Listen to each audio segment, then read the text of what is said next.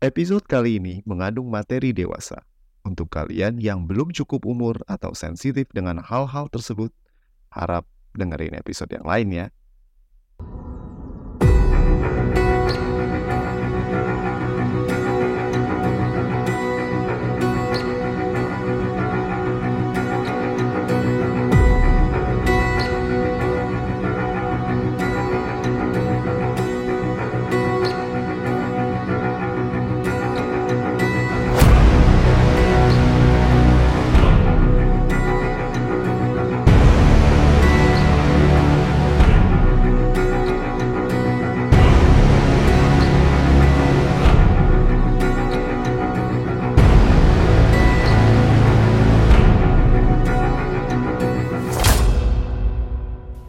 Siang itu di dek kapal Argo, para Argonaut tengah beristirahat setelah musibah yang melanda mereka setelah meninggalkan Pulau Drapne.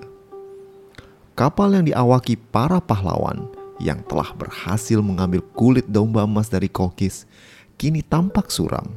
Layarnya robek. Banyak bagian dari buritan kapal terkoyak rusak kapal kokoh ini baru saja mendarat di padang gurun Libya akibat terkena hantam badai laut yang meniup Argo sampai terdampar. Jason memerintahkan awaknya untuk menyeret kapal Argo, membawanya keluar dari padang gurun dan sampai ke danau yang kelak akan mereka namai Danau Tritonis. Jason, Medea, dan para kru tampak kelelahan Mendorong kapal sebesar Argo di padang gurun yang panas dan kering bukanlah perkara mudah. Walaupun para kru Argo bukan sembarang manusia, tetap aja panas dan keringnya udara membuat mereka kelelahan. Persediaan air minum menipis dan air di Danau Tritonis tidak bisa diminum karena asin. Kedua putra Boreas terbang berusaha mencari sumber mata air namun sejauh mata mereka memandang, hanyalah hamparan pasir. Jason merasa putus asa. Berhari-hari mereka berusaha mencari cara untuk membawa kapal mereka ke laut lagi. Namun sia-sia. Akhirnya media mengeluarkan harta yang dibawanya dari Kolkis. Sebuah bejana kaki tiga yang terbuat dari perunggu. Dan ia pun kemudian membacakan mantra bersedia mempersembahkan bejana tersebut kepada dewa Libya mana pun yang hendak menolong mereka. Medea meletakkan bejana tersebut di pinggir danau, dan mereka pun menunggu. Setelah beberapa lama, dari seberang danau terlihat seorang pria dengan kulit agak kegelapan melambaikan tangannya. Para kru Argo terlihat keheranan melihat seorang pria tiba-tiba muncul dan tampak sangat bersahabat. Jason pun kemudian meminta Euphemus, kru Argo yang merupakan putra dari Poseidon yang bisa berjalan di atas air, untuk menghampirinya. Euphemus dengan cepat berjalan menginjak permukaan danau dan menemui sang pria misterius. Sang pria memberikan segumpal tanah kepada Euphemus, dan ketika Euphemus bertanya Bagaimana caranya pergi ke laut dari danau di tengah gurun tersebut? Sang pria cuma melengos pergi. Euphemus keheranan. Dude, what the heck? Apa gunanya segumpal tanah di tengah gurun gini? Sambil menggenggam tanah tersebut, Euphemus pun berjalan kembali menemui Jason dan rombongan kru Argo yang kini berada di atas kapal, mengira Euphemus telah memperoleh petunjuk. Ketika ditanya oleh Medea tentang apa informasi yang ia peroleh, Euphemus cuma bilang, Meneke tehe, gua cuma dikasih seonggok tanah ini doang. Semua kru berteriak kecewa. Bu, kita kena scam. Apa gunanya tanah gini? Udah ambil aja tuh bejana balik. Semua mata tiba-tiba tertuju pada bejana yang ditinggalkan Medea di pinggir danau. Karena sesuatu yang aneh tiba-tiba terjadi. Dari permukaan danau yang tadinya tenang, tiba-tiba muncul sang pria berkulit gelap yang ngasih Euphemus segumpal tanah tadi. Sang pria tersebut mengambil bejana, dan seketika mereka semua menyadari siapa sang pria misterius tersebut. Oh shit, itu Triton! Triton adalah putra Poseidon dan Amphitrite, dewa laut yang menguasai ombak dan arus di dunia. Menyadari bahwa Triton telah hadir untuk menolong mereka, para kru Argonaut menyembelih ternak mereka yang terakhir dan mempersembahkannya kepada sang dewa. Triton tersenyum dan menerima persembahan tersebut. Lalu Triton mengambil rupa aslinya, seorang merman, manusia setengah ikan. Dan ia lalu membangkitkan arus danau untuk mendorong kapal Argo dari Danau Tritonis menuju Laut Mediterania. Kapal Argo pun sekali lagi berada di laut sebagaimana mestinya. Para kru kapal Argo akhirnya bisa bernafas lega dan beristirahat. Satu persatu tumbang dalam kelelapan tidur mereka seolah hipnos sendiri datang dan menimbulkan rasa kantuk yang begitu mendera, termasuk Euphemus yang tidur sambil mendekap gumpalan tanah yang diberikan Triton kepadanya. Dalam alam bawah sadarnya, Euphemus mendapati segumpal tanah tersebut seperti hidup dan in a really weird male fantasy, ia merasakan gumpalan tanah tersebut menyusui dadanya. Yeah, I know. Greek mythology is weird as shit, but again, anything can happen here. Perlahan-lahan, gumpalan tanah tersebut mengambil rupa wanita cantik. Dan Euphemus yang lama tidak menemui wanita selain Medea yang galak dan judes, kemudian terlibat one night stand dalam mimpinya dengan si tanah yang menyusuinya. Yeah, some weird, right? Anyway, setelah selesai bergulat dengan tanah tersebut, Euphemus menyesal karena merasa telah melakukan incest terhadap cewek slash tanah slash kejadian yang menyusui dari dirinya tersebut. Oke, okay, I know, I know. Oke, okay, penyesalan selalu terjadi belakangan. Fine.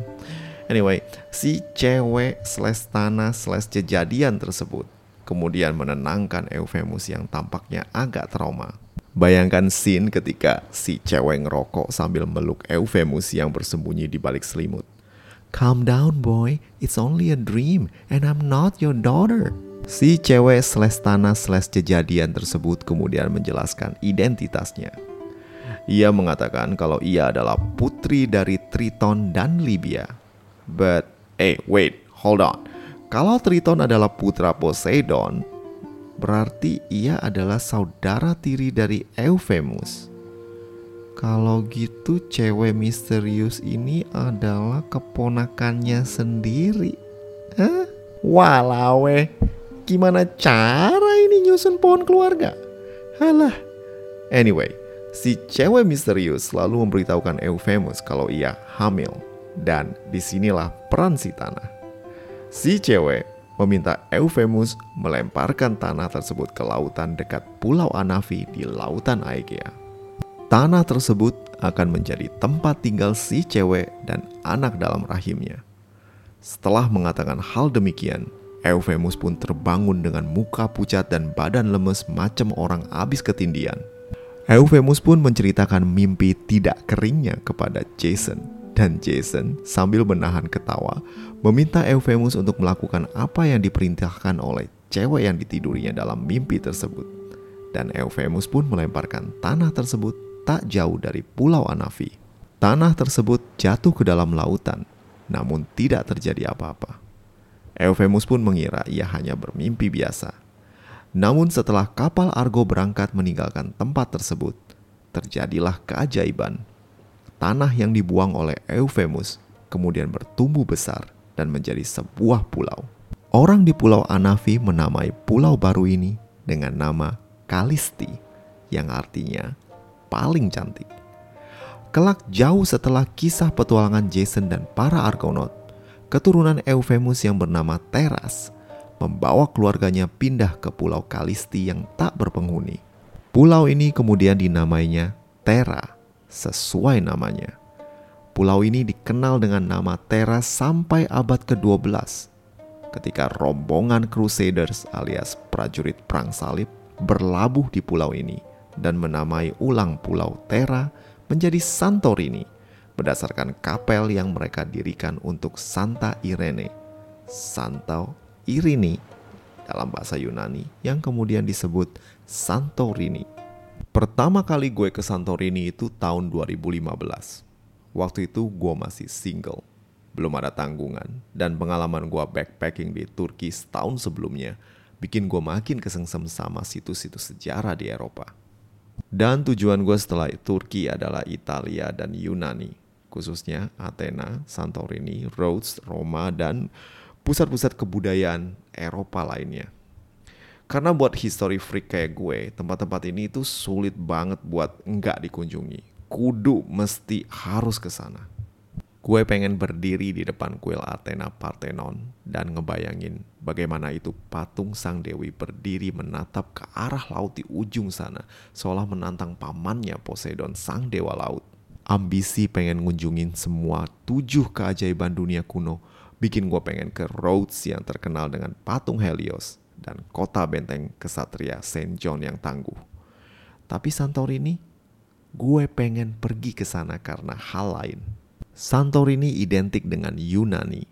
Siapa pun yang nyebut Yunani pasti kebayang rumah-rumah dengan cat putih dan biru berdiri di atas tebing menghadap kaldera. Santorini dan Yunani adalah sinonim kayak Indonesia dan Bali. Jutaan turis mancanegara ngunjungin pulau di Kepulauan Cyclades ini dan banyak dari mereka yang datang dengan kapal cruise yang nganterin mereka jalan-jalan seharian lalu mereka pergi begitu saja. Dan hal ini bikin harga di Santorini rada mahal. But it's totally worth every penny. Worth it banget. Di mana lagi lu bisa duduk ngopi seharga satu frappuccino di Starbucks sambil nikmatin pemandangan kaldera yang mengharu biru dengan bangunan-bangunan khas Santorini yang indah. Santorini hanya bisa dikunjungi dari jalur udara atau laut. Ada banyak penerbangan menuju Santorini dari Athena atau kota-kota Yunani atau negara-negara Eropa lainnya. Jika Anda ingin pengalaman yang sedikit berbeda, Anda bisa juga naik ferry dari Athena atau pulau-pulau lain di Yunani. Gua sendiri pernah naik ferry dari Santorini ke Pulau Kos dan Pulau Rhodes. Trust me, naik ferry di Yunani itu pengalaman yang tak terlupakan dan juga murah karena lu bisa sekalian nginep di sana.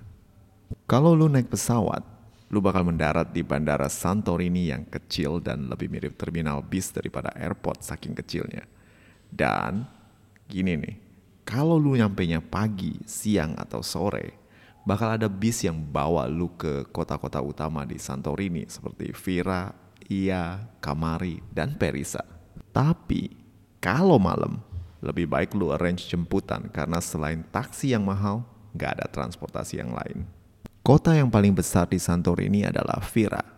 Kota yang berdiri menghadap ke kaldera ini menurut gua adalah kota yang paling asik buat nongkrong dan ngeliat pemandangan kaldera di bawah sana. Oh iya, buat kalian yang nggak tahu kaldera itu apa, kaldera adalah cekungan yang terbentuk akibat letusan gunung.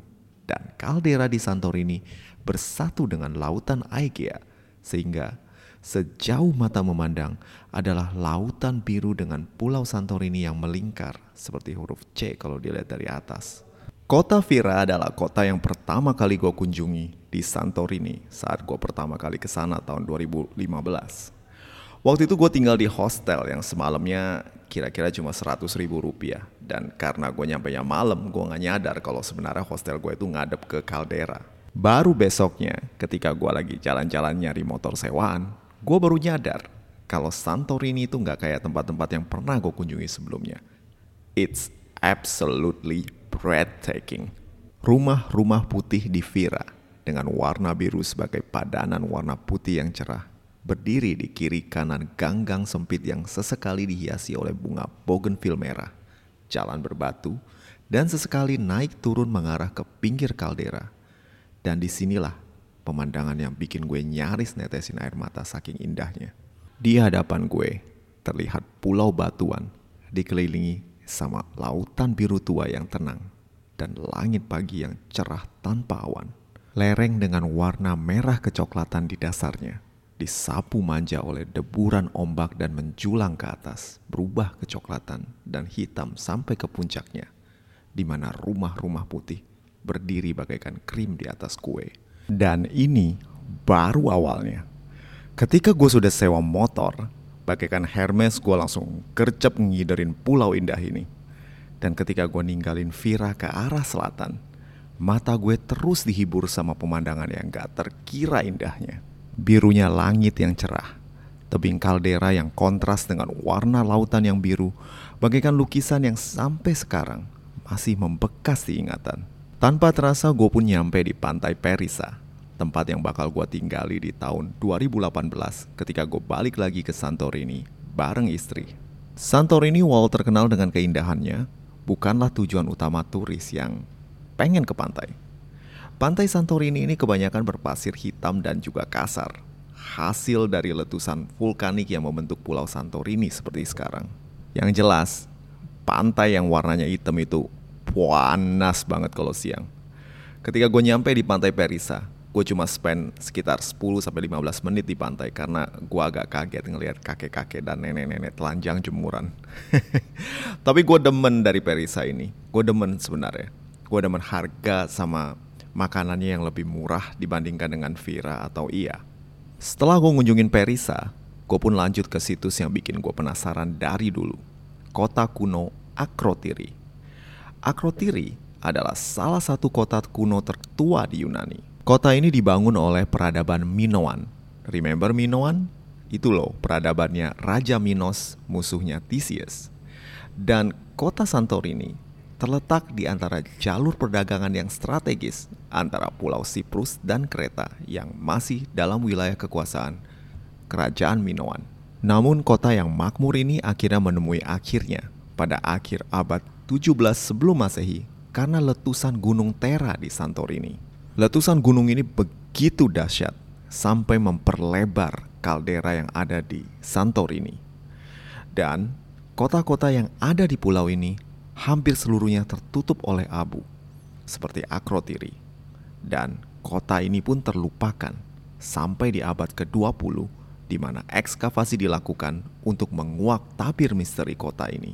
Seperti Pompei di Italia, Akrotiri menemui akhirnya akibat letusan gunung namun, para penduduk Akrotiri bisa dibilang lebih beruntung dibandingkan dengan Pompei karena mereka berhasil melarikan diri sebelum gunung meletus. Hal ini dibuktikan dengan tiadanya jasad manusia yang ditemukan di kota ini. Kota ini benar-benar ditinggalkan oleh penduduknya. Ada teori yang mengatakan kalau kemungkinan latar belakang cerita Atlantis yang ditulis oleh Plato terinspirasi dari kejadian kehancuran kota Akrotiri dan letusan Gunung Tera mengingat adanya beberapa faktor kemiripan kebudayaan Minoan dan Atlantis yang digambarkan oleh Plato. Besar kemungkinan Akrotiri merupakan Atlantis yang dimaksudkan oleh Plato. Kejadian letusan Gunung Tera terjadi jauh sebelum Plato lahir, dan mungkin Plato pernah mendengar legenda Lost Civilization ini dan kemudian menuangkannya dalam karya ciptaannya, yaitu Timaeus dan Critias. Nyatanya, tidak ada seorang pun yang tahu di mana Atlantis yang dimaksudkan oleh Plato. Apakah Akrotiri? Apakah benar-benar ada tempat bernama Atlantis? Atau apakah tempat itu ternyata Indonesia? Seperti yang pernah diheboh diberitakan waktu dulu. Situs Akrotiri diurus dengan hati-hati oleh pemerintah Yunani. Bangunan modern berupa atap dan sistem suhu udara yang diatur untuk menjaga kondisi situs merupakan wujud komitmen pemerintah akan kekayaan sejarah negeri para dewa ini. Memasuki situs ini, kita akan berhadapan dengan reruntuhan bangunan yang berwarna putih dan abu-abu. Warna abu-abu ciri khas abu vulkanik menjadi warna dominan dari reruntuhan Akrotiri. Bangunan-bangunan di Akrotiri ini tidak memiliki nama atau informasi yang jelas, sehingga untuk benar-benar mengetahui sejarah bangunan di sini, kita perlu menyewa jasa tour guide. Apakah gue nyewa tour guide juga waktu itu kebetulan enggak karena gue um, you know cekak dan gue cuma nyolong-nyolong denger dari tour guide yang kebetulan ngomongnya rada kenceng. Well, don't blame me, gue punya kuping dan gue bisa mendengar dengan baik. anyway, kebudayaan bangsa Minoan yang tinggal di Akrotiri ini cukup modern. Hal ini dibuktikan dengan sistem pengairan dan pembuangan yang teratur, dan adanya pembagian tempat berternak yang terletak di luar pemukiman penduduk. Penduduk Akrotiri juga menghiasi rumahnya dengan fresko dan mosaik. Bangunan mereka juga ada yang sampai lantai tiga. Dan hal yang paling gue sukai dari mengunjungi tempat ini adalah gue bisa jalan-jalan di antara reruntuhan yang umurnya udah ribuan tahun ini. Jalan dari beton dan platform didirikan untuk kemudahan turis menikmati reruntuhan bangunan Akrotiri. Gue ngabisin waktu sekitar sejam sebelum akhirnya gue melanjutkan perjalanan ke Ia untuk menikmati sunset yang terkenal di Santorini. Tapi sebelum gue mencapai Ia, gue mengadakan sedikit detour ke ujung paling selatan dari Pulau Santorini yang ditandai dengan sebuah mercusuar. Tempat yang gue nemu secara nggak sengaja ini emang jauh dari kunjungan para turis yang biasanya cuma main ke Vira, Ia, atau pantai-pantai di sekitar Santorini. Ujung pulau ini sepi dan sangat nyaman untuk hanya duduk di bawah naungan mercusuar yang bersinar setiap malam memberikan arah pada feri dan kapal yang lewat. Kalau lu lagi galau dan butuh tempat untuk menyendiri, mercusuar ini adalah tempat yang paling ideal. Duduk di atas karang yang menghadap langsung ke kaldera, lu bisa lupa akan masa lalu.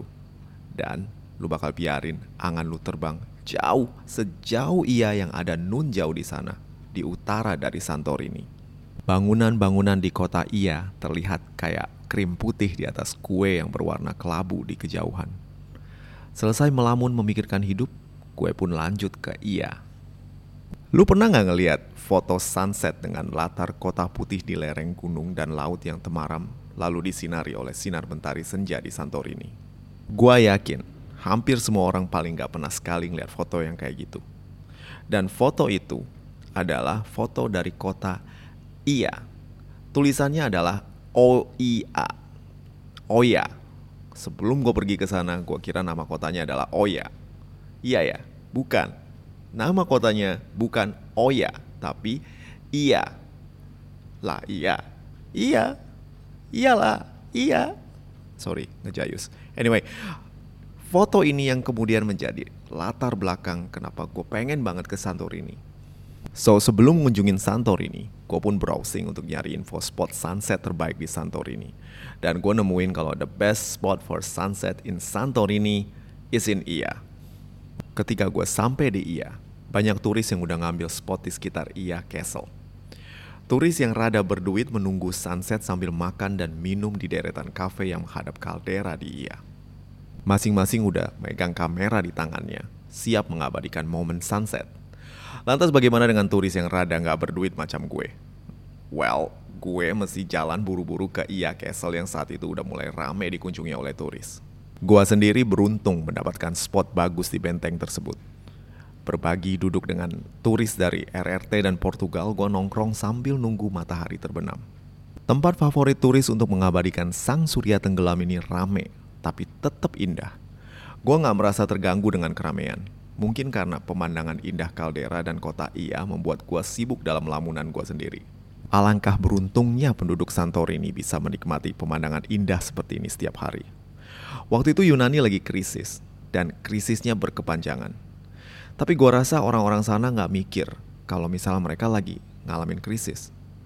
Kalau lu tiap hari melihat pemandangan indah kayak gini, krisis pun gua rasa jauh di mata. Gimana bisa mikirin krisis kalau pemandangan ini ada di hadapan? Pikiran gue yang sering mumet akibat pekerjaan kantor, rutinitas kerja yang terus berulang setiap hari tanpa ada sesuatu yang baru pun jadi lega hanya dengan duduk di benteng dan menikmati waktu berlalu di tempat itu. Sang surya perlahan tenggelam dan sinarnya menerpa bangunan-bangunan putih di ia, mengubah warna putih cemerlangnya menjadi jingga. Lautan juga berubah menjadi keemasan tertumpah oleh sinar mentari senja. Sang surya yang kini berwarna merah jingga seolah menerbarkan sinarnya ke langit biru yang membentuk suatu siluet putih kebiruan, bagaikan bendera Yunani yang melambangkan sinar mentari dan laut itu. Sebelum mengambil foto, gua sempat tertegun sejenak menikmati pemandangan indah ini. Mata gue seolah nggak bisa berkedip menikmati pesona warna dan keromantisan suasana senja saat itu. Beneran, kalau gue bisa hentiin waktu, gue pengen nikmatin pemandangan ini lebih lama lagi. Mengabadikan suatu gambar nyata, ciptaan pencipta yang tak terbatas ke dalam pikiran gue yang fana dan terbatas ini. And I wonder how people deny the existence of God if the nature itself testifies of how great and profound God is. Oh yeah, right. Speaking about God, Keesokan harinya gue bener-bener ngalamin pengalaman ngeri yang bikin gue nyaris ketemu sama Tuhan, alias modar. So ceritanya gue denger ada satu kota kuno lain di Santorini yang bernama Tira. So di pagi hari ketika orang pada belum melek atau baru juga ngopi cantik, Gue udah motoran ke Kamari, gak jauh dari lokasi Tira. Tira adalah kota yang didirikan oleh Teras, keturunan si Euphemus dan pemimpin orang Doria, salah satu suku Yunani kuno dari Sparta. Kota ini didirikan pada abad 9 sebelum Masehi dan setelah kejayaan Doria berakhir, kota ini ditinggali oleh orang-orang Yunani, Romawi, dan juga Romawi Timur alias Bizantium. Sebagian besar reruntuhan bangunan yang ada di kota ini berasal dari abad keempat, yaitu pada periode Yunani klasik. Kota ini berkembang menjadi kota yang makmur di zaman kekaisaran Romawi dan Bizantium, namun kemudian ditinggalkan oleh penduduknya, terutama setelah letusan gunung pada tahun 726 Masehi. Berada di kaki gunung Mesafona, gua berhenti sejenak mengamati jalan menuju Tira yang rada menantang. Jalur sempit dan zigzag tanpa pembatas jalan menuju puncak gunung sempat bikin gua mikir dua kali buat naik ke atas. Tapi seperti biasa, kalau ada sesuatu yang nantang kayak gini, akal sehat gua cenderung mengalah pada adrenalin yang haus akan petualangan. Lalu gua pun menyalakan mesin dan langsung nyusurin jalan sempit ke atas tersebut. Awalnya perjalanan menaiki gunung ini nggak jadi masalah buat gue. Jalan yang beraspal rapih dan sepi membuat gua biasa aja. Apalagi pemandangan kota Kamari dengan pantainya yang indah bikin gua makin terlena sama zona aman. Namun mendekati puncak, gua pun mengalami masalah.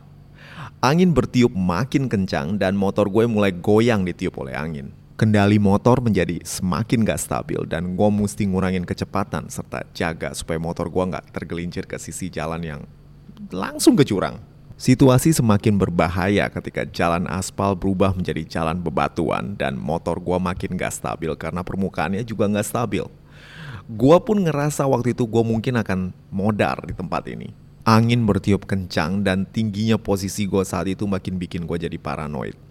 Doa-doa pun gue panjatkan dan gue nggak malu untuk mengakui kalau gue sempat takut mati di sini. Tapi karena kondisi gue udah berada di tengah jalan, gue nekat harus naik ke puncak. Perjalanan nanjak dan nantang maut ini akhirnya berakhir. Gua pun sampai di puncak gunung, gak jauh dari loket situs Purbakala Tira. Angin bertiup kencang dan gak ada bangunan di tempat parkir ini selain sebuah kios yang udah tutup lama. Dan gue pun ngerasa berada dalam badai karena untuk jalan aja susah. Angin terus bertiup, kayak pengen niup gue jatuh dari tebing. Dan setelah gue susah payah parkir motor, gue pun jalan ke belakang kios tua itu buat berlindung sebentar dari angin. Gile. Belum pernah gue seumur hidup berhadapan dengan angin kayak di sini. Gue sempat ngeluarin kamera dan tongsis buat berfoto di tempat yang indah namun berbahaya ini. Setelah berfoto, gue pun jalan ke arah loket untuk beli tiket masuk situs Purbakala Tira. Dan gue adalah pengunjung pertama di kota tua ini. Setelah mendapatkan tiket, gue pun jalan naik ke kota Tira. Reruntuhan kota ini mungkin reruntuhan kota yang paling unik yang pernah gue kunjungi. Letaknya di atas gunung bikin angin terus bertiup dengan kencang dan gue cuma nikmatin selama 10 menit. Bayangin, 10 menit doang. Semua gara-gara tiba-tiba gua dengar suara gubrak dan ketika gua balik badan gua ngeliat motor sewaan gua udah jatuh ditiup sama angin. Gua kaget dan akhirnya gua pun turun buru-buru buat ngecek kondisi motor itu. Gue langsung spot jantung dan keringat dingin. Langsung dah gua buru-buru ngangkat tuh motor yang jatuh dan gua langsung periksa. Hmm, lampu motor sebelah kiri retak. Tapi nggak bocor bensin sih. Oke, gue agak lega. Tapi gue tetap galau gara-gara kerusakan kecil ini.